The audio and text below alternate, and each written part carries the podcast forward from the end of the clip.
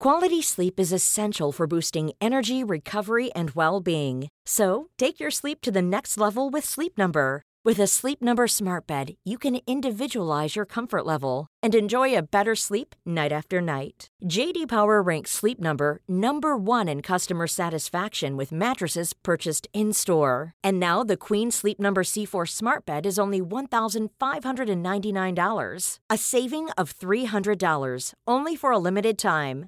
For JD Power 2023 award information, visit jdpower.com/awards. Only at Sleep Number stores or sleepnumber.com. Hey, I'm Ryan Reynolds. Recently, I asked Mint Mobile's legal team if big wireless companies are allowed to raise prices due to inflation. They said yes. And then when I asked if raising prices technically violates those onerous two-year contracts, they said, "What the f*** are you talking about? You insane Hollywood ass." So to recap, we're cutting the price of Mint Unlimited from $30 a month to just $15 a month. Give it a try at mintmobile.com slash switch. $45 upfront for three months plus taxes and fees. Promo rate for new customers for limited time. Unlimited more than 40 gigabytes per month. Slows. Full terms at mintmobile.com. Hey, I'm Ryan Reynolds. Recently, I asked Mint Mobile's legal team if big wireless companies are allowed to raise prices due to inflation. They said yes. And then when I asked if raising prices technically violates those onerous two-year contracts, they said, "What the f*** are you talking about? You insane Hollywood ass." So to recap, we're cutting the price of Mint Unlimited from $30 a month to just $15 a month. Give it a try at mintmobile.com slash switch. $45 upfront for three months plus taxes and fees. Promo for new customers for limited time. Unlimited more than 40 gigabytes per month. Slows. Full terms at mintmobile.com. Vi hadde jo Eller du hadde lyden av meg forrige uke. Da var det jo at jeg eh, har en tendens til å kjøre veldig i dumper, holdt jeg på å si. Hva heter det? Hull? Høl. Høl i bakken. Eh, hvordan syns du det gikk på vei hit i dag? da Vi hadde litt dårlig tid. Ikke så fryktelig bra. Nei, men Jeg traff eh, overraskende mange hull i dag også. Overraskende for deg, ikke for meg. Og da vi parkerte, hva skjedde da? Da kjørte du litt felger. Det er så deilig! Jeg håper ikke de som har leasingavtalen vår, hører på den på meg. Nei, det er faktisk sant.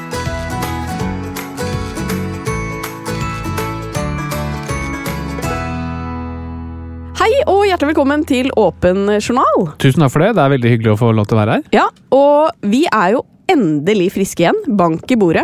Alle tre i husstanden Flatland Dobbelhaug.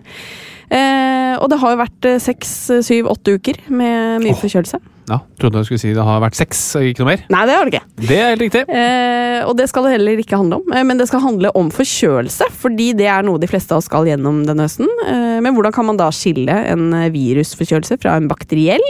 Hvordan kan man skille influensa, covid og vanlig forkjølelse? Og hvordan kan du eh, bekrefte eller avkrefte myter eh, rundt forkjølelse? Det, det gleder jeg meg litt til i dag, fordi det er jo mange myter. Hjelper det f.eks. å drikke mye vann når man er syk, og blir man syk av å fryse?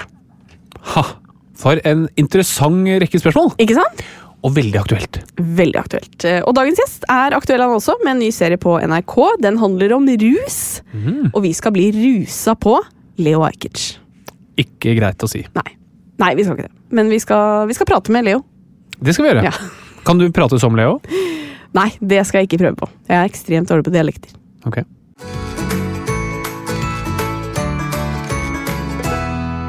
Denne uka så er jeg også litt eh, skamfull. Ja. Ja, fordi eh, Bernhard har begynt i barnehagen. Fantastisk sted. De er så flinke med han. Eh, og man blir jo veldig opptatt av å fremstå som veldig gode foreldre.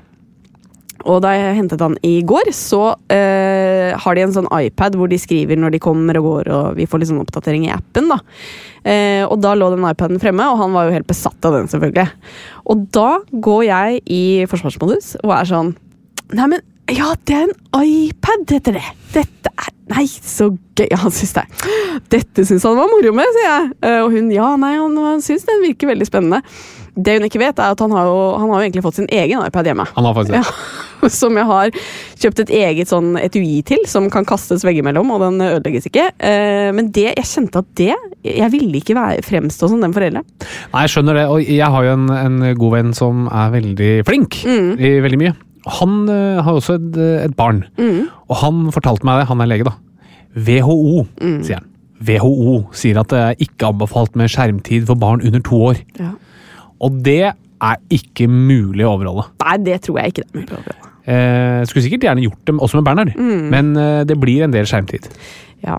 Men vi prøver jo å være Altså Han får jo ikke se på skjerm når han spiser, og vi prøver å være litt sånn Hvis jeg føler at han er sliten, så syns jeg det er fint å sette på litt eh, barne-TV, og så kan vi se på det, og da merker jeg at han slapper av og koser seg, og så blir litt mer enn det, da. Men eh, Men det er litt interessant det at du sier dette med at man prøver å gjøre et godt inntrykk i barnehagen, fordi nå har det seg sånn at jeg leverer jo i barnehagen de fleste dager. Og da merker jeg at da har du blitt ganske mye mer løssluppen når det kommer til hvordan han fremstår når han leveres. Ja. Fordi for eksempel så gidder du ikke lenger å gi han smekke når han spiser frokost. ikke alltid, nei. Så når jeg leverer han, så ser det ut som han blir dratt gjennom et fjøs. Og du toppa det her forleden, da, for det er du som pakker uh, tingene hans. Ja. han skal ha med. Du puttet de i en sånn blå plastikkresirkuleringspose med hull i. Ja. Som jeg skulle gå og ta med i barnehagen. Ja, til å ha med ting i. Ja, men du bruker ikke sånn altså det er sånn du får gratis fra kommunen, sånn blå Da fremstår vi jo som at vi er opptatt av miljøet. Når du har med hans ting i en sånn blå pose Nei, man kan spandere på han Ja, men vet sekk. du hva det sto mellom? Det og en vinmonopolpose, og da mener jeg det at da er det bedre med den der eh, miljøgreia. Eh, ja, men kanskje enda bedre det hadde vært en liten sekk. Ja, men det har han fått nå. Det har han fått nå. Og vet du hvorfor? For den fikk jeg gratis. Ja, jeg kjøpte noe greier på noen nettbutikk, og da fulgte den med. Og da bare måtte jeg legge til litt til, og så fikk du en gratis sekk. Og det tilbudet gikk jeg rett i fella på. da. Er du medlem i kundeklubben? Eh, det er jeg ikke der, faktisk. Men jeg tror Hvorfor ikke de ikke? har det. Jeg tror ikke de har det. Nei, da skjønner. Men eh, denne uka så har vi jo som vanlig med oss spalten Katta på studiebenken. Ja. Ja, Og du er vel litt spent på hva som kommer i dag? Jeg er overspent. Ja, det skjønner jeg. Men eh, det vi får veldig mange spørsmål om på um, Åpen journal sin Instagram, er faktisk om vi bare kan si litt hvordan vi syns det er å gå på medisinstudiet. Ja. Eh, du kan jo begynne. Du, det er kjempespennende. Det er veldig interessant. Det er lærerikt. Det er jo Du snakker i nåtid, men du er ferdig. Øh, Ja. Ja. Hvordan skal jeg snakke? Det var. Det var. Det var veldig gøy, det var veldig spennende og lærerikt. Og det er jo en, det føles jo som et privilegium å kunne studere menneskekroppen. Ja. For det er helt uavhengig trender. Folk blir syke, og folk trenger hjelp. Så det er fa- utrolig spennende og gøy. Ja, og så må jeg si at uh, i Oslo, hvor eh, vi begge har Du har studert, og jeg studerer, så eh, legges det jo ned enorme ressurser eh, i at vi skal bli undervist av de beste av de beste, føler jeg. Ja. Vi får undervisning på Rikshospitalet, Ullevål, Radiumhospitalet. Um, og eh, jeg hadde en forelesning denne uka, den var over Zoom, da. Eh, og da var det en som eh, sier ja, jeg er klar for forelesning. Eh, du skjønner jeg befinner meg i Praha, hvor jeg underviser eh, det europeiske gastromiljøet i gastroskopi. Da. Det, er sånn, Ja. Hva er gastroskopi? det er hvor du tar et eh, kamera ned i magen. Ja. Oppi spiserør, da. Yes. Og det eh, minnet meg liksom på hvor heldig jeg er, da. For da sitter han som underviser sikkert de beste gastrologene rundt om i verden, eller Europa, eh, underviser meg. Ja. Fascinerende. ja, veldig fascinerende. Eh, så det, man føler seg privilegert, men det er jo et veldig tøft studie. Det må jeg si. Ja da, det er det. Ja, det er, eh, det er skole stort sett fra halv ni til fire hver dag, hvor det er forelesninger. Så er det litt på sykehus, eh, men det er heftig. Fordi du får ikke noe sånn Jeg misunner jo litt de som sier sånn Ja, så hadde vi hjemmeeksamen, og så skulle jeg levere inn en oppgave. Ikke sant? Det er jo ikke sånn. Det er, eh, det er Tøffe takk. Ja, det er litt høyt press. Men apropos han som underviste deg. Mm. Fordi jeg, nå sitter vi jo hjemme, du studerer hjemme og jeg jobber hjemme. Så da, jeg hørte jo en del av forelesningen han. Han heter jo Lars Aabakken. Veldig, veldig flink fyr. Mm. Veldig flink. Men eh, vil du ikke fortelle om uh, Det de ofte gjør da når de underviser. Ikke sant? Dette er en underviser i gastroskopi.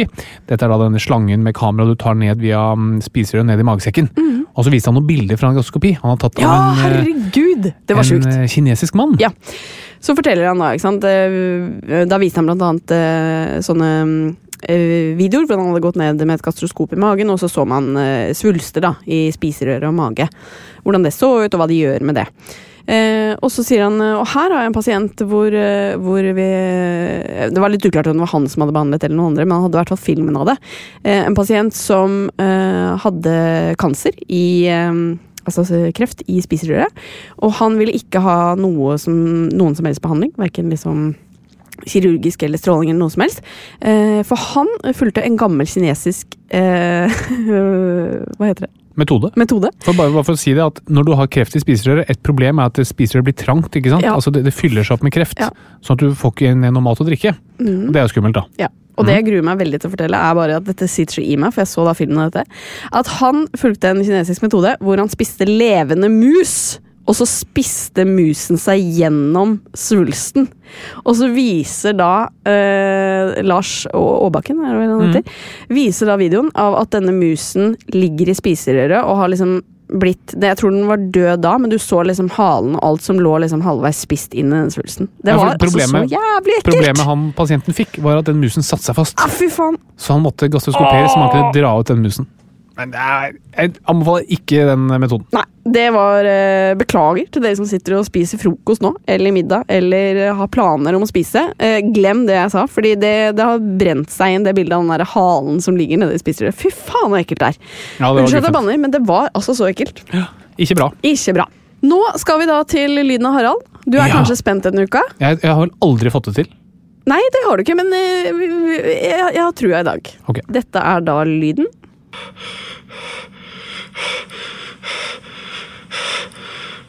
ok, Altså, dette vet jeg ikke om jeg vil eh, det skjønner jeg. Ok, jeg må Hva skjer her nå?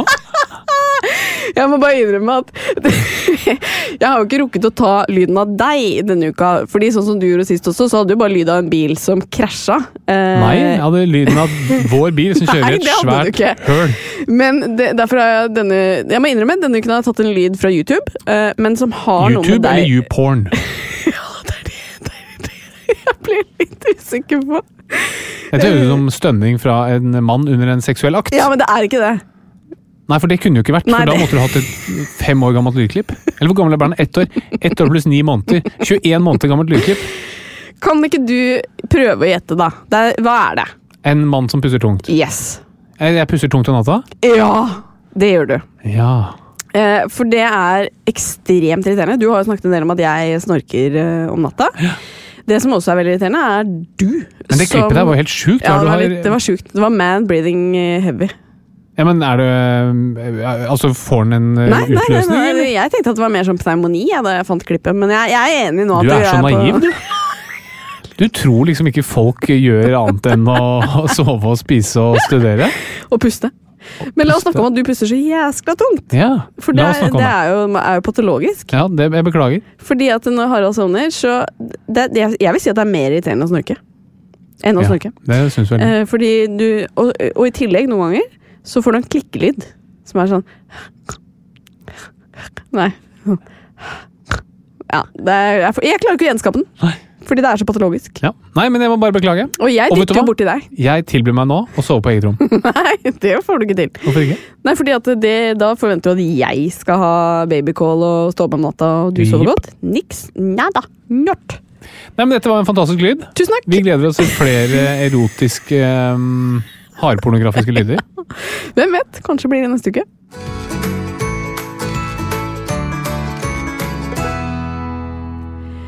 Denne uka så skal vi snakke om eh, noe som vi endelig er eh, ferdig med for en stund, bankebordet, håper jeg. eh, Nemlig forkjølelse. Det har vært mye av det etter at Bernhard begynte i barnehagen. Eh, Men hva er egentlig en forkjølelse? Hva er en forkjølelse? Nei, altså En forkjølelse det er en virussykdom som gir plager særlig fra luftveiene.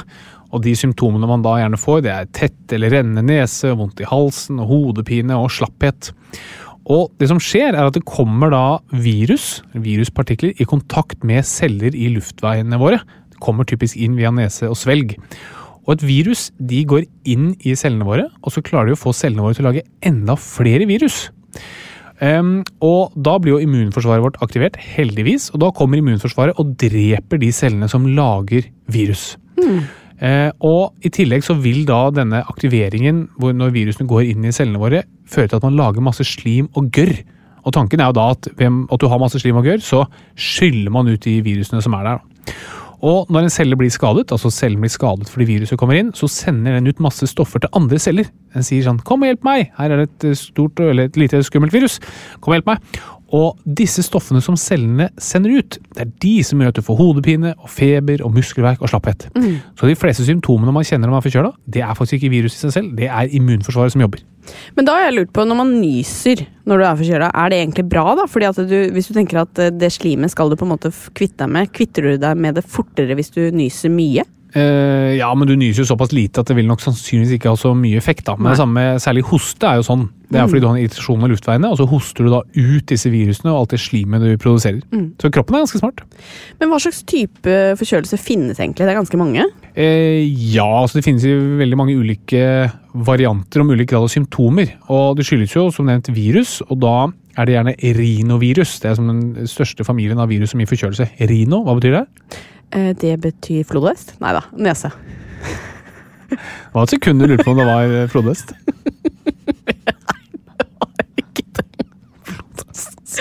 er ikke det et lammerino? Altså, du tenker på neshorn? Ja, det var det jeg tenkte på. Altså, din, din utømmelige kilde av kunnskap, den slutter aldri Nei, jeg vet at det er nese. Ja, det er nese. Det er veldig bra. Eh, Men rinovirus, det gir forkjølelse. Eh, Nest eh, største gruppen er rinovirus, altså flodhestvirus. Og nest største gruppen, hva er det? Adeno. Nei, koronavirus. Å ja, er det det, ja? Ja, tenk litt på det. Em, så dette koronaviruset som vi har hørt om, det er egentlig et eh, vanlig forkjølelsesvirus som bare har noen egenskaper som gjør at det er litt mer farlig. Da. Og så er problemet at disse virusene de endrer seg hele tiden. Og det var det som skjedde nå under pandemien. ikke sant? Det var et lite forkjølelsesvirus som plutselig ble veldig smittsomt og veldig farlig samtidig. Ok. Eh, hva er typiske symptomer, da? Du har vært litt inne på det. Ja, så Symptomene kommer da fra områder som virusene angriper. og Det er da typisk nese, og bihuler, og hals og nedre luftveier, altså lungene. Og igjen da fra immunforsvaret som bekjemper viruset. da. Så vondt i halsen, rennende nese og hoste, det er immunforsvaret egentlig som kvitter seg med virus. Ja, det er begge deler. Både at virusene skader cellene der, men også at immunforsvaret kommer for å drepe disse cellene som eh, lager virus. eh, Og at de signaliserer til hverandre 'hei, kom og hjelp til, her er trøbbel'. Og når, eh, man trenger, når kroppen ber om flere celler et eller annet sted, da må man utvide blodårene i det området. Da blir man rød, altså området blir rødt og irritert og vondt. Og, men da skjønner jeg for eksempel, liksom. Man hoster fordi du skal prøve å, å bli kvitt eh, slimet, men hvorfor får man noen ganger smerter i kroppen? Jo, altså det er fordi disse cellene sender ut stoff for å tilkalle andre celler og få hjelp. Da. Og disse stoffene de påvirker også andre steder i kroppen. Så noen av disse stoffene påvirker hjernen, for eksempel, som gjør at eh, hjernen hever kroppstemperaturen. Det er feber. Og så kan også disse stoffene aktivere smertereseptorer i muskler og ledd. Så det er da immunforsvarets egne stoffer som gjør at man får vondt. Men jeg frykter at det ikke er så godt eh, svar på det spørsmålet jeg nå skal stille. Kan man egentlig skille vanlig forkjølelse, influensa og covid? Nei, det er veldig vanskelig. Og, um, Uten prøver, da. Ja, nei, Du må ta en prøve. Så Derfor har du et nyoppstått luftveissymptom, så skal du ta prøve for covid. Ja. For der er nok, eh, det er nok flere som er litt sånn Ja, men jeg har fortsatt smak og smaks og smaks? Smak og luktsans. eh, Og ikke, jeg føler meg ikke så dårlig, så det er ikke covid. Nei da, og det, jeg skjønner det, og i hvert fall når det blir mer og mer åpent. Men um, husk på det er fortsatt straffbart å ikke isolere seg hvis du har covid. Og eneste måten du kan vite om du har covid på, det er å teste. Ja. Så hvis du får nyoppståtte symptomer, selv om du er fullvaksinert, skal du gå og teste. Men hvordan kan man skille en virusforkjølelse fra en bakteriell, da? Mm, altså, eh, bakterier gir ikke forkjølelse. Eh, Forkjølelse det er jo oftest en samling av plager fra flere steder. Nese, og hals, og øre, og øyne og lunger. Mens bakterier de setter seg gjerne bare ett sted. Så hvis du kun har vondt i øret, eller kun vondt i halsen, eller kun hoste, da tenker vi bakterier. For, som å ha en grov tommelfingerregel. Men hvis man er usikker, så kan man ta en eh, blodprøve. Og den vanligste blodprøven som vi leger bruker, heter CRP. Og den forteller litt om hvor kraftig betennelsen i kroppen er. Og den er typisk høyest ved en bakteriell infeksjon. Hvis du har veldig høy CRP, så øker sannsynligheten for at det er en bakterie som ligger til grunn. Og hvis du må være helt sikker, da kan du ta en prøve som faktisk eh, ser om du finner virus eller bakterier. Ja. Men da må man jo gjøre det hos legen. Og når skal man gå til legen da med en forkjølelse? Um, nei, altså De absolutt aller fleste forkjølelser går over, og alle kjenner det igjen. Uh, ting man skal være litt obs på, er selvfølgelig hvis man eh, sliter med å puste. Da, mm, eh, altså Tungpust er vi alltid litt eh, redde for. Veldig, hvis du er veldig veldig slapp, ikke orker noen ting, ikke orker å spise eller drikke, eller veldig veldig vondt et sted, da syns jeg også du skal oppsøke legen. Mm. Og barn er man jo kanskje litt mer forsiktig med. Hvilke typer bør man være obs på hos de? Barn er også forkjølet hele tiden, i hvert fall barnehagebarn, som vi har blitt godt eh, kjent med. og vi bryr oss egentlig ikke så mye om feberen, og vi bryr oss heller ikke så mye om blodprøver når det kommer til barn. Så veldig mange er- måler feberen hele tiden. Så, ja, nå var den 38, og nå var den 39, og nå var den 40. Men det, det bryr vi oss veldig lite om, faktisk. Barn kan ikke dø av feber. Det er fint å huske. Det vi bryr oss om, er, det er allmenntilstanden til barnet. Hvis barnet leker og spiser og drikker, da, er vi helt, eh, da tar vi det med ro. Da blåser vi hvor høy feberen er, og vi blåser i blodprøvene. Men det er som særlig tre ting vi er redd for med barn. Det ene er hvis de sliter med å puste, og det kan de gjøre også med virusinfeksjoner. Det er mange som har hørt om RS-virus. Eh, det er sånn virus som affiserer gjerne luftveiene hos bitte små barn. Og der er luftveiene så små i utgangspunktet. Så når de blir affisert, så er vi litt ekstra redde, da. Og da ser du at de sliter med å puste. Det er det ene. Det andre er hvis de ikke drikker nok. At de drikker så lite at de ikke har flere våte bleier. For da, det kan være ganske farlig. Eh, eller hvis man mistenker at det er en bakteriell infeksjon. Um, og Da er det typisk veldig vondt et eller annet sted, og det vil gjerne påvirke eh, allmenntilstanden. Mm. Men de, de fleste barn som bare er forkjøla, hvis formen er god, spiser og drikker, da kan man se det an. Ok.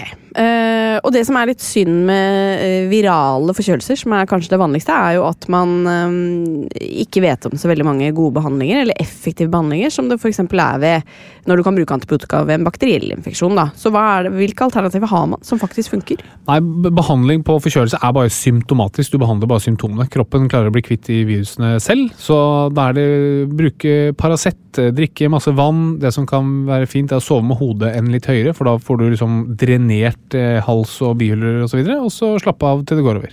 Hva gjør egentlig smertestillende på, i forhold til forkjølelsen? Eh, Fjerne smerter. Ja, Senker feberen. Så det er rent symptomatisk. Absolutt. Vi har jo ikke noe aktiv behandling for virussykdom. og Det er litt sånn rart at vi ikke har klart å finne det, men det har vi altså ikke. Også Det som er litt interessant, både med influensa og koronavirus, er det at når man blir syk, ordentlig syk av det, så er det gjerne etter at virusene er nesten borte fra kroppen, men det er immunforsvaret som fortsetter å henge i og gjøre en opprydningsjobb. Og det blir man veldig syk av. Ja, det går litt løpsk, på en måte. Ja. Ja. Så hvis du er alvorlig syk med covid, så får du faktisk immundempende behandling. Som er litt paradoksalt, ikke sant? for du tenker at nei, men immunforsvaret trenger jeg for å bekjempe viruset. Nei, når du er syk, så er det fordi immunforsvaret fortsetter å jobbe på etter at virusene er eh, i hvert fall nesten forsvunnet. Og så må vi da ta noen myter, eh, fordi du nevnte jo det at eh, det kan være fint å drikke vann når du er syk. Hvorfor det, egentlig? Eh, hvorfor det er bra å drikke vann? Ja. Nei, det er bare fordi at du kan, Når du får eh, høy feber, så kvitter kroppen seg med mer væske. Du blir fortere dehydrert. da, og Da er det viktig å få erstattet den, eh, den væsken. Og Særlig for barn så er liksom, det er av de tingene vi er liksom bekymret for når barn er forkjølelsessyke. Så er det ikke nødvendigvis infeksjonen i seg selv, men det er følgene av den. Og Hvis barn blir så slappe at de ikke orker å drikke, det kan være ganske farlig. Okay. Så pass på at man får i seg nok vann. Veldig viktig. C-vitaminer, da? Forebygger det forkjølelse? Eh, hos folk som trener ekstremt hardt, så kan det ha noen effekt, men for de fleste andre så har det dessverre ikke noen effekt. Verken før eller etter. Uh, nei. Og ikke underveis heller, hvis du blir syk og tar den der eh, brustabletten. Nei. Nei. Fryse. Øker det sjansen for å bli forkjøla? Ja, det gjør det, fordi du blir mindre motstandsdyktig mot virus. virus. Det som er veldig vanlig, er at man går rundt med virus og bakterier på og rundt og i eh, luftveiene. I ne- Hvis du tar en dyrkningsprøve av nesa til folk, så kan du finne skumle bakterier og skumle virus. Men de holdes i sjakk. De holdes der ute. De klarer ikke å gi en infeksjon. da. Men hvis du blir kald, så senker du kroppens motstandsdyktighet. Og da kan øh, sykdommen slå ut. Så ja, man kan bli øh, Det øker sannsynligheten for å bli syk når du er forkjøla. Men hvis du kan se for deg et teoretisk eksempel hvor du fjernet alle virus og bakterier fra en kropp, så du ikke hadde noe virus og bakterier på deg, da kan du være så kald du vil. Du må ha et virus eller en bakterie for å bli syk. Ja. Uh, aircondition føler jeg at uh, man ofte sier sånn Du, nei, jeg sover med aircondition, og nå har jeg blitt forkjøla. Altså Det aircondition gjør, den senker jo temperaturen, og så tørrer den ut luften. Og vi er avhengig av at slimhinnene våre i nesa er fuktige for at de skal være motstandsdyktige. Så aircondition kan sånn sett gjøre det samme som kulde, altså gjøre deg litt mindre motstandsdyktig mot virus og bakterier. Ok. Og så er det et siste spørsmål om influensavaksinen, som eh, man blir anbefalt å ta nå. Eh, er, det, er det bedre å bli smittet av selve viruset enn å ta vaksinen i forhold til at immunforsvaret blir bedre? Nei, det er det ikke. Men husk på at influensavaksine har jo i gjennomsnitt 60% beskyttelse. Så det er 60% som får beskyttelse av influensavaksinen. Og det handler om flere ting, men også fordi det er ikke alltid man treffer helt på vaksinen i forhold til hvordan influensaviruset ser ut. Da. Så hvis du er blitt influensasyk, så da har du et immunforsvar som er perfekt mot akkurat den typen influensa. Men det er ikke noe bedre for immunforsvaret å, å ha møtt influensaviruset enn vaksinen. Nei. Overhodet ikke. Husk på at det er veldig mye mer bivirkninger for å kalle det det, av influensa enn influensavaksinen. Mange kan si sånn ja, men jeg er så redd for eh, sjeldne bivirkninger av vaksinen som Guillain-Barré. Men det, sjansen er høyere hvis du får influensa. Ja. Som jeg pleier å si, det er bedre å ikke ta vaksinen og ikke bli syk. Men hvis du må velge, da er vaksinen bedre i ti av ti tilfeller. ja. Og godt er det. Godt er det. Ukens lyttespørsmål det er en som lurer på hva dere som leger eh, mener om eh, det å gå til en kiropraktor. Har det en klinisk bevist effekt? Ja, altså kiropraktikk det er jo undersøkelse og behandling og diagnostikk og forebygging av tilstander i bevegelsesapparatet. Altså muskler og bein og nerver og greier og greier. Og behandlingen går i all hovedsak ut på manipulasjon. Altså dytt og strekk og trekk og klem og sånn. Ehm, og, og trening for så vidt, og råd og informasjon og veiledning. Alt man kan gjøre, rundt et behandlingsapparat. Og denne formen for behandling har absolutt dokumentert effekt for en del tilstander. Og kiropraktorer de har lang utdanning, og de har et selvstendig ansvar for både diagnostikk og behandling. og Det betyr at de kan ikke skylde på at de drev med noe tull. Når pasienter kommer til de, så er det de som har ansvaret. Så det er veldig bra, en veldig stor trygghet. da. Så en, en leges jobb, det er jo sånn hovedsak å diagnostisere og behandle alvorlig sykdom. Og for å sette litt på spissen, så er muskel- og skjelettplager er veldig sjelden alvorlig. Det er plagsomt og har enorme konsekvenser, men det er, det er ikke liksom alvorlig akutt sykdom. Og da er det nok ofte at vi leger er litt raske på labben eh, når det gjelder plager i muskel og skjelett. Vi sier at ja, dette er ikke noe farlig, dette må bare gå over av seg selv. da. Mens hvis du går til en kiropraktor, så får du mye mer tid, du får bedre forklaring, du får en skreddersydd behandling. Så jeg tror mange vil oppleve mye bedre behandling hos en kiropraktor når det kommer til muskel- og skjelettplager.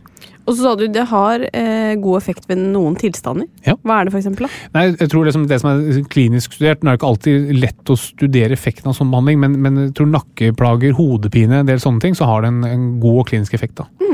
Så jeg husker på en ting, jeg husker ikke om jeg har snakket om det før, men sant, vi leger man blir liksom kynisk. ikke sant? Du skal liksom hjelpe de som trenger det, og og alle andre prøver du å liksom, dytte et unna, for å si litt enkelt. Og hvis du ser på et fastlegekontor, så sitter gjerne legen på én side av pulten med dataskjermen foran seg, så sitter pasienten på andre siden.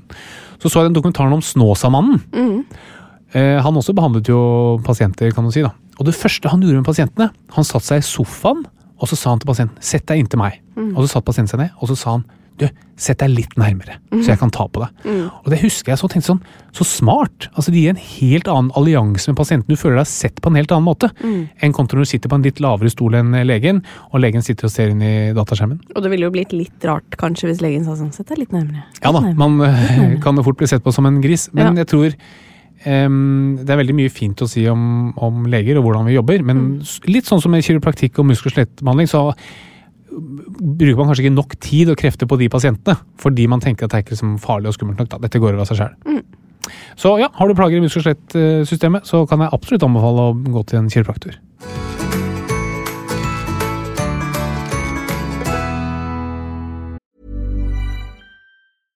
Want flexibility? Take yoga. Want flexibility with your health insurance? Check out United Healthcare Insurance Plans. Underwritten by Golden Rule Insurance Company, they offer flexible, budget friendly medical, dental, and vision coverage that may be right for you. More at uh1.com. Quality sleep is essential for boosting energy, recovery, and well being. So, take your sleep to the next level with Sleep Number. With a Sleep Number smart bed, you can individualize your comfort level and enjoy a better sleep night after night. JD Power ranks Sleep Number number 1 in customer satisfaction with mattresses purchased in-store. And now the Queen Sleep Number C4 smart bed is only $1,599, a saving of $300 only for a limited time. For JD Power 2023 award information, visit jdpower.com/awards. Only at Sleep Number stores or sleepnumber.com. Hey, I'm Ryan Reynolds. At Mint Mobile, we like to do the opposite of what Big Wireless does. They charge you a lot, we charge you a little. So naturally, when they announced they'd be raising their prices due to inflation, we decided to deflate our prices due to not hating you. That's right. We're cutting the price of Mint Unlimited from $30 a month to just $15 a month. Give it a try at mintmobile.com slash switch. $45 upfront for three months plus taxes and fees. Promo rate for new customers for limited time. Unlimited more than 40 gigabytes per month. Slows. Full terms at mintmobile.com.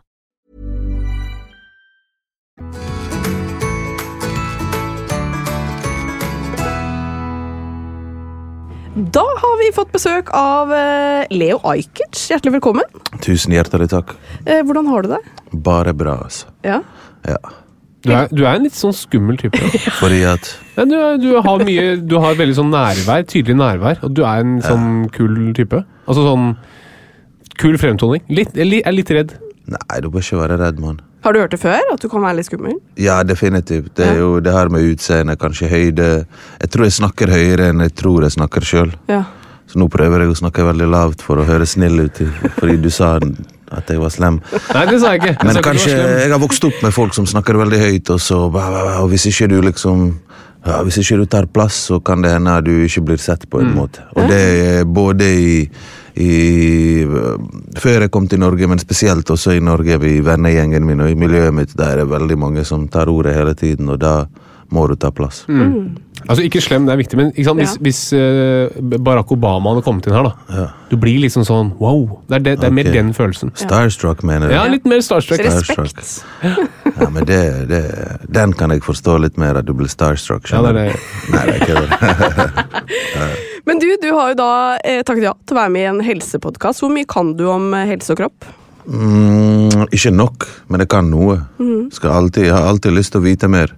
Jeg ser jo hver dag en eller annen overskrift i avisene sånn eh, Dette gjør du for å gå ned i vekt, dette gjør du for å Så har jeg lyst til å lese, men så har ikke jeg lyst til å lese. For jeg tenker som oftest er det sånn abosaker. Og ja, når de først er i avisen og har forsiden, så leser du det, så blir du litt skuffet. Det blir bare Ja, hva skal jeg si? Det er noe nytt hver dag, liksom. Dette gjør du for å forhindre demens. Dette gjør du. Er det fakta, eller er det bare noen som tuller med oss? Nei, det er for så vidt fakta, men det er, det er ofte ting du vet, da. Tren litt mer, spis litt mindre. Ikke Ja. sant? Det er som veldig åpenbare ting. da. Ja, Men de prøver å spille veldig mye på helseavisene for å selge aviser, liksom. Er du i fare for demens? Boom. Så leser du det, så snakker du til deg sjøl i hodet når du leser det. Er jeg i fare for demens? Oh my god, er jeg det?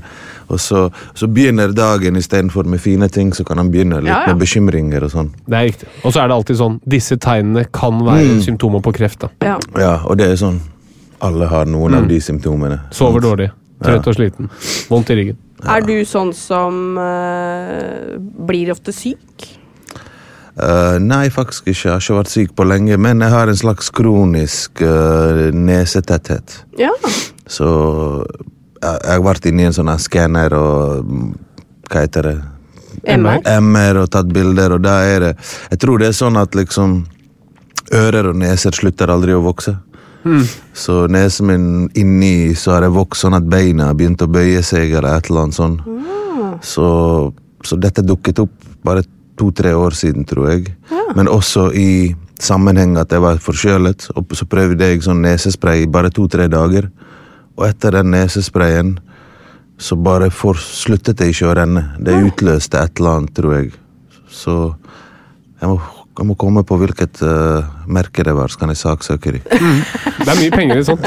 Er det det? Ja, Tror du det kan være Har du peiling? Uh, ja, men jeg tror at det som sånne legemiddelprodusenter gjør, de har et I disse tekstene som følger med, så er de, de- minimerer risikoen sin. da. Ja, de er det. sier at uh, dette kan være bivirkningen og sånn, nettopp for å unngå søksmål. Ja, Hva hvis en lege anbefalte det? liksom? Jeg bare tar nesespray tre-fire dager, og så ender det opp med å ødelegge de Nei. der kjertlene som, som, som lager slim og sånn. Altså Så lenge Ja. legen har gjort liksom det som er riktig, da, og det, og det er jo riktig å anbefale det. Så her er det jo, det har, det har sannsynligvis ikke skjedd noe galt, du har bare hatt litt uflaks. da. Du har sannsynligvis litt tette forhold rundt bihulene. Ja, det er det jeg har. Du kan operere, da. Ja, men jeg har også hørt at det er ikke sikkert det hjelper. Det Det, kan gjøre ting verre, faktisk. Absolutt. Så jeg er sånn eh, I don't know. Jeg vet ikke hva vi skal gjøre. Nei, da blir det jo liksom uh, Jeg blir bare en snørrunge, ja. Liksom. Jeg ble en snørrunge i alder av et par og 30, liksom. Hvor gammel er du, Lea? Jeg er 37. 37, ja. Var det det du trodde? Eh, ja. Ja, jeg er faktisk enig. Ser litt eldre ut, kanskje. Også. Du vet, Jeg kommer jo fra Jeg syns nordmenn ser ofte veldig unge ut for alderen. Jeg har jobbet mye med flyktninger og folk på flukt. Altså Hvis du møter en dame fra Afghanistan som har gått gjennom det hun gjør, så kan du gjette mange år Ja, ja. oppover på en måte, istedenfor nedover. Så møter du noen fra Norge som har levd et trygt og fint liv. Lite utsatt for sol og sånn også, det er lett å si, tror jeg. Mm. Mindre rynker, sånne ting. Og så, ja, det er litt forskjell på genetikk og, Ja, ja. og miljø. Og, Katarina er jo 71 år. er det det? kan, kan jeg spørre hvor gammel du er? Hvor gammel tror du? Jeg vet ikke, 28? Ja, Det er fantastisk! 28 er jo en helt nydelig alder. Jeg er, 30, er jeg 32? Ja. Ja, 32. Ja. Så der kan du se. Tara fire år der. Harald, da? Harald? Det, det er kanskje 31. Eh, 32, ja. 32, ja. Sant? Deilig. Ja, men Dere kler dere ut så på, på den alderen dere er. Ofte Jeg kler meg kanskje litt yngre ut, men Ja, jeg vet ikke om det hjelper. Det. Men det er bare sånn jeg har gått kledd når jeg var yngre. Så jeg har aldri vokst det fra meg. Noen tenker nå er jeg gammel, nå må jeg skifte klesstil, mens jeg er sånn Nei, men Jeg skal gå i den hettegenseren Jeg tror det. Jeg Ja. tror det, altså. Hvorfor ikke? Merker du noe på kroppen at du blir eldre? Er det ting som har endra seg? Ja, Hva da? definitivt. Uh, forbrenning. Ja. Jeg har lagt på meg så mye i korona, og jeg tror det har med at scooter kom. Så istedenfor å gå en kilometer sparkesykkel? halv spar, Ja, hva var det jeg sa? Ja, spar, skut, ja Elskuter, sparkesykkel. Så det i kombinasjon av at jeg har beveget meg mindre generelt og vært mindre med mennesker, så jeg bare lagt på meg Selv om jeg trener hver eneste dag, så går jeg opp i vekt. Hva trener du for noe? Jeg løper både kardio og uh, trener vekter, men uh, når jeg begynte å trene et par år siden Først gikk jeg litt ned i vekt, og så ble, ble det litt mer muskelbygging, men appetitten økte. Så på en måte jeg trener for å kunne leve det livet jeg har lyst til å leve. Jeg trener jo ikke for å sulte og se bra ut. Eller, eller jeg hadde sett helt jævlig ut hvis ikke jeg trente. For jeg spiser, jeg elsker mat. Ja. Og under korona, hva er det vi har igjen? Vi har Ja, kjøkkenet og mat å lage, og tid til å lage mat ofte. Spesielt i begynnelsen, når jeg ikke kan og kanskje gå på jobb og bare hjemmekontor. Så Ja, altså jeg er helt enig. Eh, Jeg tror det, det er litt samme her, at jeg har fortsatt å trene, men den derre hverdagsaktiviteten, hvor du har gått til jobb eller gått et sted, den har du jo mista helt, da. Eh, Og da ser man det på vekta, tror jeg. Men har du kjøpt deg egen elskuter? Eller bruker du sånn Nei, jeg bruker bare mest, mest, mest Bolt. Ja. Så billig, vet du. Tre kroner, fire kroner herifra til Majorstuen. Så blir det litt dyrere etter hvert jo lengre du har det, men da sletter du bare appen og laster en ny, og så bruker du litt gratis ting, og så Vet ikke hva jeg mener. Men jeg har brukt det en del, og skulle ikke gjort det, skulle heller gått. Altså. Ja. For jeg er egentlig vant til å gå veldig mye. Ja. Alltid gått mye, og har det siden barndommen. Når jeg var liten, pleide min bestefar. Han gikk en runde rundt hele byen der jeg kom fra. Og der han møtte, liksom, hilste på slakteren, kjøpte litt kjøtt, hilste på barberfyren. Så barberte han seg hver tredje-fjerde dag eller et eller annet, og hilste på de gutta der, og så avsluttet vi på en kafé ved siden av en elv der de spilte noe som heter Beckham. Eller ligner på sjakk, sånt Ja, ja. spill. Ja. Og så fikk jeg en sånn Det heter lokum, en sånn Turkish delight, hvis dere vet hva det er. En slags sånn tyrkisk gelé, da. Med litt sånn sukker utenpå, en nøtt inni, eller et eller annet. En sånn søtsak, da. Ja. Så hørte jeg de gamle pensjonistene snakke politics, spille Beckham, spille litt boccia, hvis dere vet hva det er. Og det høres deilig ut, det livet fordi Beckham trener hjernen, mens boccia trener kroppen. Da må du, det er litt sånn bowling på sand. Ja. Så det var mye gåing. Så jeg er vant til å gå fem-ti kilometer hver dag uansett, liksom. Ja, ikke sant. Og det har forandret litt på seg. Og så vet ikke jeg om det er vaksine eller hva, men jeg har tatt vaksine seks uker siden. Tok andre vaksine nå tre-fire dager siden. Jeg har vondt i leddene, skikkelig. Ja. Ja. Mm. Hvilken fikk du? Hvilken vaksine? Pfizer. ja. Så jeg har, vet ikke, føler som jeg har fått leddgikt nesten. Det er skikkelig stivt, og knærne og albuene og ja. Ja. Nei, det, er ikke, det det, ja, det er ikke uvanlig, det. Men det gir seg, da. Det går over. Ja, det håper jeg, for nå har det vart flere uker. Mm. Ja, det kommer til å gå bra. ja. Flere uker skal man ha det? Nei, men det er, no, det er en del som har det. Noen ja. til og med rapporterer at de blir litt nedstemte etter eh, Mm. vaksinen. Noen ja. Blir trøtt. Ja, blir trøtt Veldig trøtt og og sover tungt, tungt, tungt. Ja. Men eh, sånn som når du har plager sånn som dette, litt sånn eh, vondt i ledd og sånn, er du sånn, går du til legen? Nei, jeg har begynt å gå litt til legen. Ja. For jeg begynner å bli litt eldre, og, men jeg har vært redd for lege. Og det er litt sånn kulturting. Om du ignorerer et problem, kanskje det forsvinner. Jeg tror det er sånn mange bosniere tenker. Min egen far liksom har vært Min egen mor ofte har gitt meg litt dårlige råd ut ifra Men de gir jo meg råd ut ifra hva de tenker, hva de ville gjort sjøl. Og det er sånn, Jeg snakket med min mor om å ta sånn mammografi, eller hva det heter. Bryst eh, Bare sjekke seg. om, hva skal jeg med det? Eh, Ja, ikke sant? hva er det? Tenk hvis jeg finner ut jeg har en kreft. Jeg vil ikke, jeg vil ikke vite det. så det er bare sånn Ok, eh, ok. Så jeg har, jeg har vokst opp med en sånn eh, Du trenger ikke lege. Mm. Jo, men jeg tror det er en eh, Kulturell ting. Ja, for det er en kulturell ting. Og så tror jeg ikke nødvendigvis det er noen dum ting. Fordi Nei. man kan bli litt sprø av å hele tiden gå og lete etter ting, eller prøve å få bekreftet uh, hvorfor man har vondt, eller Ja, Og så på dette med mammografiprogrammet, da. Det er, altså Gå og skanne seg for kreft. Det er, ikke, det er ikke alltid bra, det heller. fordi ofte så kan du finne ting som man tror er kreft, og så viser det seg ikke hørt, er kreft. det har jeg faktisk hørt at flere opereres som ikke har kreft. og om vi ikke hadde hatt mammografi, så hadde statistikken kanskje vært det samme, til og med, når det kommer til operasjoner. Men det vet jeg, det, nå, nå har jeg lest sikkert en forside Jo, men altså, det, er, det er riktig. Det er, det, er, aldri helt uproblematisk. Da, fordi når du, når du ser etter sykdom hos så mange friske mennesker uten symptomer, Ja, ja. så vil du alltid finne et eller annet som kan være det ene eller andre. Ja. Nei, fordi jeg går jo da siste året på medisin, og jeg må jo si at jeg leser veldig mye om kreft om dagen. Ja. Og jeg er veldig redd for kreft nå. Nå er føler jeg det. at det er i Det, det ulmer noen greier her Men kan nå. dere hjelpe meg å slutte å være redd? Fordi at korona det var en sånn massiv eh, innsats. Alle land Det var en litt sånn norsk dugnad på en måte. Å finne opp eh, Selvfølgelig med belønning hvis du finner opp, og gode business. Eh, Men eh, koronavaksine, plutselig fant de det. Ja. Hva med kreft? Ok, jeg skjønner at, og jeg har lært før at før eller siden dør alle av kreft, ellers så hadde vi levd for evig. En eller annen celle splitter feil, et eller annet mutasjon. Altså Det er derfor vi har kreft, ellers hadde vi levd evig, liksom. Yes. Men går ikke det an å finne en vaksine mot kreft, da? Det er jo mye mer komplekst enn et virus, da. Ja, men altså, som, altså, Før korona så trodde man ikke det var mulig å få til en vaksine på den måten man gjorde så fort. Så det det er, et, det er et veldig godt innspill, og jeg tror at hadde man klart å sette sammen de ressursene som man klarte under korona, og satt inn mot kreft, så tror jeg man kunne i hvert fall beveget seg veldig fort. da. Hvorfor gjør ikke de det? Kanskje det lønner seg eh, at folk eh, Nei, jeg tror ikke det er så det er veldig Tenk hvor sånn- dyr pensjon ville vært hvis folk hadde bare pensjonert seg som 60 og så levd til 140. Altså det, sånn, ja, det blir sånn konspirasjonsteoretisk. fordi, og det, som, det må jeg si er fordelen med kapitalismen da, som vi lever i. at um, Du kan si at vil ikke myndighetene at alle skal dø for å slippe å betale pensjon? Selv om det var sånn, hvis jeg som lege visste at jeg kunne finne opp et eller annet eh, middel mot kreft, så hadde jeg blitt så rik at jeg ville gjort det uansett. da. Så Det er, det er fordelen med kapitalismen, at du får opp veldig mye ideer. og Men sånn som jeg har skjønt det, så ville kapitalismen solgt deg en pille som holder deg i sjakk en uke per uke. De hadde aldri solgt deg en, en lyspare som varer i tusen år. Kapitalismen selger deg en lyspare som går i stykker etter en uke. Så om de finner en kur, så finner de en kur som du må ta daglig eller ukentlig, som er veldig dyr. da. Jo, men, det eh, beste form eh, Vi kan finne noe positivt ved slaveri òg. Det at du aldri slipper å bli sparket fra jobben din og sånn. Skjønner du hva jeg mener? Jo, jeg skjønner hva du mener. Men, men ikke sant, noen, man har bare sagt at noen ting er liksom en slags grunnlov. Da, og Det er som menneskerettigheter. og sånn, altså Dette er det viktigste. Folk skal være fri, og folk skal ha rett til skole og helse.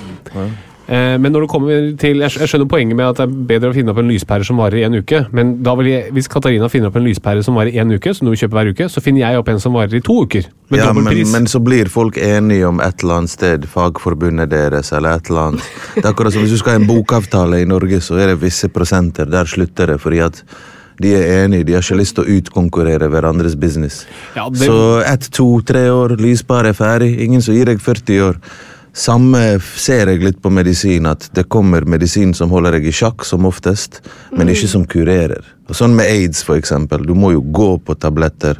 Du må gå på dyr medisin, og så lever du. Jo, jeg, jeg, altså jeg skjønner det, men, men hvis jeg eksempel hadde klart å Visste at jeg kunne finne på en medisin som gjorde at du kurerte aids, da, med Ja. én pille, så ville jeg, jeg ville sluppet den. Jeg ville gitt den ut, for da hadde jeg fått Nobels, pri, Nobelpris i medisin. Jeg ville blitt veldig rik. Og det er sånn fordel med å ha sånne insentiver, for jeg ser poenget ditt. Og, Ja, jeg bare kom på nå, Var det ikke noen tyskere nå under koronapandemien som gjorde noe greier? jo, altså det vil alltid være egeninteresser i litt mindre skala, og det som skjedde i, eh, et, altså et forskningsmiljø nå under korona, var at noen fant opp en eh, ja, hva var det da? En medisin eller vaksine, et eller annet, som de ikke ville fortelle om til andre, for de ville Ja. beholde hemmeligheten selv. da. Ja.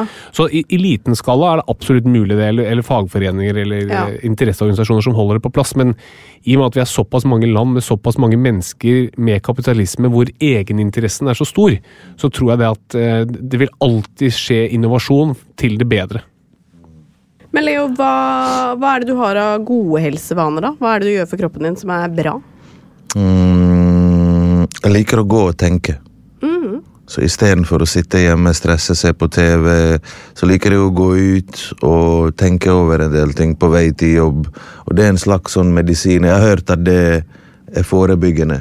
Fra jeg var liten, at det hjelper mot sikkert depresjon, mot uh, Også en del fysiske ting òg, med kroppen, bare holde mot, uh, tingene i gang. Men gå og tenke og jeg husker på den turen da jeg var liten og gikk med bestefar, så var det ett sted vi pleide å gå, ikke hver dag, men når vi hadde ekstra energi. Og det var liksom når vi var kom på siste punktet der bestefar spilte Beckham og bocce og drakk kaffe, så pleide vi å følge en elv, eh, litt sånn som Akerselva, gjennom skogen, og det het bare det stedet, liksom. Og så bare gå i skogen og ta natur, altså få inn ekte luft. Og, eh, samme grunn som nordmenn liker å gå på tur, på en måte. I fjellet og sånn. Og det, det har med helse å gjøre. Med psykisk, fysisk helse. Med å bare koble av, med å få tenke uten all støy og biler og alt, alt som skjer rundt deg, på en måte. Så jeg tror det er Det har vært min beste forebyggende medisin, på en måte. Altså, det høres jo Eller det er jo på en måte en enkel versjon av det å meditere. Ja, faktisk. Det er som en slags Nei, det er det som er min meditasjon. Ja. Ofte kan det være musikk, men da er det støy. Da bestemmer musikken stemningen min, skjønner du. Ja, ja. Mens hvis jeg går alene i skogen og skrur av Ofte når jeg er helt alene, så skrur jeg av musikken. For jeg vil bare være til stede. Hvis jeg skal jogge, så hjelper det med musikk. For det hjelper, det får jeg til å glemme tiden. Det er liksom å løpe 400 meter tar to, to halv, tre minutter, ikke vet jeg, men setter du på en låt, så er det bare én låt. Ja, Hvis det er favorittlåten din som du kan, så går det enda raskere på en måte. Ja. Men hvis du setter på en kjedelig eller feil låt, så kan det føles ut som for evig. Har ikke du musikk på i ørene, så jogger du, så kan det være en Det kommer an på stemningen Ja, din, sant? så kanskje det kommer en del tanker som ikke handler om jogging, eller Mens musikk på en måte, det styrer stemningen. Og det å ikke høre på musikk og bare være til stede, det gjør at man kan tenke over en del ting og prosessere en del ting, og, og så går man tilbake igjen når man er klar på en måte og treffer verden. Ja, tror jeg er kjempesunt. Doktor? Ja, jeg er helt enig. Jeg tror det er eh, kjempebra. Og det å koble av litt, om det er meditasjon eller gå i skogen uten musikk, eller å la tankene flyte litt fritt. Og det man vet, altså Å være ute i skogen har jo også en positiv effekt på helsen. Fysisk og psykisk. Ja. Jeg skal begynne med kryssord òg, for jeg husker min bestefar døde når han var over 80 år gammel. 83-84.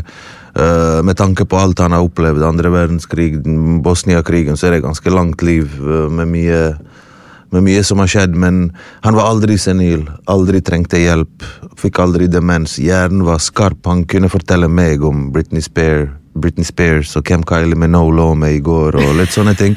Samtidig som han kunne politikk, medisin. Ja, Det var ikke han, Altså- det var ikke han som lå med Kylie Minogue. Nei, han lå bare med, med Marilyn Monroe. Det var hans, eh, hans Nei, kødder.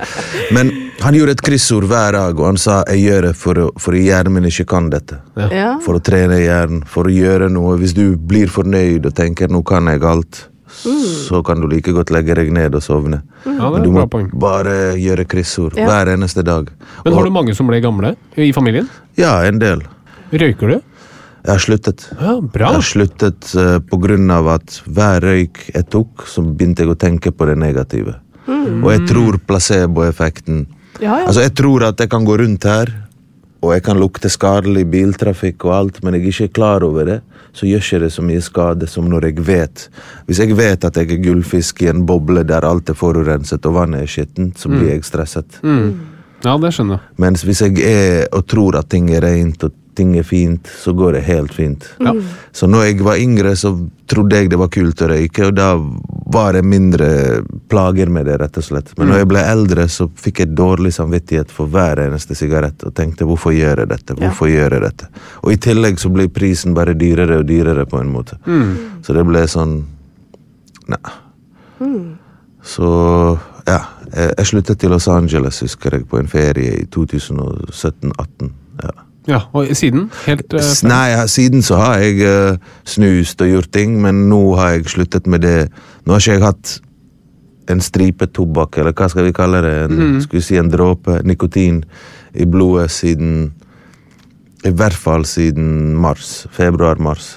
Å ja, det så bra, da. Ja, eh, over et halvt år. For jeg sluttet med røyk, men jeg fortsatte med snus. Jeg Ja. fortsatte, jeg kunne kanskje ta meg en røyk en gang i uken hvis jeg var på en fest eller et eller annet. Men så skjønte jeg at jeg bare holdt avhengigheten i en sånn sjakk. Jeg var hele tiden noe som ulmet, en slags uro. Jeg tenkte mye på sigg. Jeg tenkte liksom Jeg gledet meg til den dagen jeg kunne ta en røyk, festrøyk, uten å bli avhengig. Ja, og da er det feil, Ja, ja, på en ja, måte. ja. Så jeg bare sluttet helt. Snus, alt. Jøsser. Men har du noen uvaner da, som du tenker sånn det er ikke, Dette er ikke bra for helsa mi?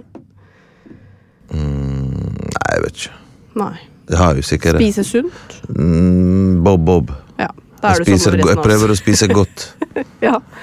For Ja, jeg kunne sikkert spist sunnere, da.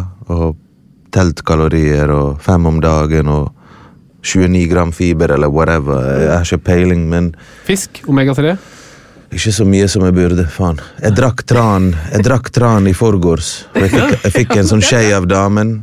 Og jeg skulle, eller jeg fikk en kork, og jeg bare Med en gang det, jeg brakk meg, jeg holdt på å spy. Jeg synes også det er helt jævlig. Før smakte jeg på noe som het ølgjær, eller noe sånt, Ja, ja. som pulver som skal være sunt, og det bare øh. Ja. Og så, istedenfor å ta en ekstra tyggis eller et eller annet, så blir det tran oppå det igjen. Og da jeg brekker meg veldig lett om morgenen. Når jeg står opp jeg kan ikke pusse tennene og tungen sånn som før jeg legger meg, fordi at, jeg vet ikke fordi jeg har sovet eller et eller annet, men det gjør at jeg bare brekker meg. Så hvis jeg hadde vært en som var glad i å gi menn oralsex, så kunne jeg ikke gjort Jeg kunne ikke gitt deg deep throat om morgenen. ass. Det er der jeg spydd. ass. Først etter lunsj. Først etter lunsj, ja. Ingenting, Ja, det- ingenting bak. Det tror jeg gjelder flere av oss. Fire-fem centimeter bak tungen, da brekker jeg meg. Ja. Jeg tror, for meg tror jeg det gjaldt hele dagen. Hele dagen. Ja. Kanskje vi skal gå til quiz? Ja, jeg drikker litt juice imens, jeg. Gleder vi oss til quiz. Og med oss i dag har vi eh, en av de eh, største og tøffeste vi har hatt her noen gang. Leo Ajkic, god dag. Uff, tusen takk. God dag.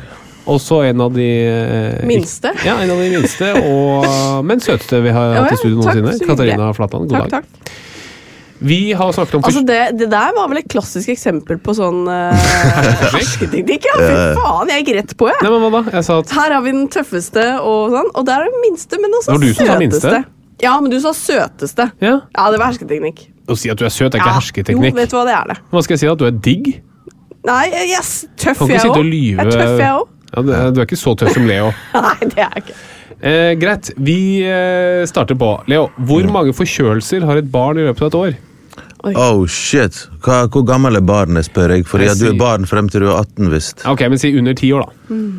Oh, la oss si fire, da, av det er fire årstider, og kanskje hvert årstid har en eller annen virus eller en eller annen Plutselig bader du om sommeren, og så får du litt urinveisinfeksjon, og så, og så er du om vinteren, og så får du eh, noe annet av du er på fjellet, og så kommer høsten, og så Ja. Jeg skjønner. Liker tanken. Jeg, jeg, jeg tror det er mye mer. Ok, få høre. Ti. Ja, det er sånn seks til åtte. Så det er poeng til begge to. Ja, Jeg er, to. ja, ok, vi er like enn ja, Fire til, fire. fire til seks er bare ja. to, ti til åtte. Ja. Men Ikke sant? Det, betyr, det betyr to hver sesong, da. Så det er åtte stykker. Så de er forkjøla hele tiden, Ja. disse ungene. Pass på. Eh, Katarina, er man, er man mer utsatt for forkjølelse hvis man sover lite? ja. Leo? Ja, det kanskje, tror jeg. Fordi kanskje kroppen bearbeider en del ting når du sover, og så får ikke han gjort det. Og så, ja. Helt riktig. Under seks timer har vist at man er mer utsatt for å bli forkjøla. ja, det kan du se. Ja. Jeg synes jeg føler forkjølelser og ting går ofte over når du sover. Ja, ok. Eh, neste spørsmål. Leo, hvorfor kan man ikke vaksinere seg mot forkjølelse? Fordi det ikke er et virus Katarina? som kroppen kan kjenne igjen. Ja. Det er fordi det endrer seg hele tiden. Ja, det er riktig. Det er, du er inne på det, Leo. Det er, det er virus, men det fins over 200 forkjølelsesvirus. da.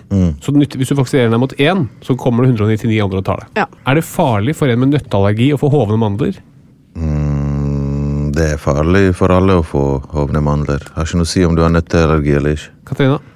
Nei, men hvis du spiser nøtter samtidig eh, Nei. Nei, det er ikke farlig. Uh, Leo, hvilken sykdom har man hvis man har brente mandler? Du, du har ikke noe syk. Brente mandler, ikke er det sånn uh, gatemat? Jo. Jo, det er helt riktig. Ja. Bra, dere er veldig Du flinke. får ikke eh, oss på limpinnen. Nei, gjør ikke det. Gjør ikke det. Eh, Leo, hvilket land har mest forkjølelse i verden? Uh, sikkert Norge. Katarina? Ja, det vil jeg tro. Virusland. Virusland. Ja, Ja, den, var, den var dårlig, mann. ja det var dårlig, mann. Ikke dårlig. Det var ikke- det var ikke veldig bra. Virusland, det er jo ok. Vi i Russland. Det er, ja. det er noen tullespørsmål, og så er det noen ekte spørsmål. Men hvordan er stillingen? Eh, likt. Er det likt, Ja, og tre spørsmål igjen. Okay. Neste spørsmål. Katarina, fins det medisin mot influensa? Ja. Ja. Ja, det er Tamiflu. Tamiflu, ja. Helt riktig. Neste spørsmål. Hvor effektivt er medisin mot influensa? Leo? Mm, det vet jeg ikke. 50-50. Ja, Hvis du begynner det i løpet av de første dagene, så kan det forkorte sykdomsforløpet. Så ikke så veldig effektivt, da. Hvor mye forkorter sykdomsforløpet? Et par dager. En- Under én dag. Å, ja. Ja, så det er ikke så veldig effektivt. Nei. Så det er helt likt. Ja. Og nå er siste spørsmål. Ok. Katarina, hvorfor gir man antibiotika til høner før de skal slaktes? Oi. Gjør man det? Jeg spør hvorfor. Jeg vet ikke. Leo, hvorfor gir man antibiotika til høner før de skal slaktes?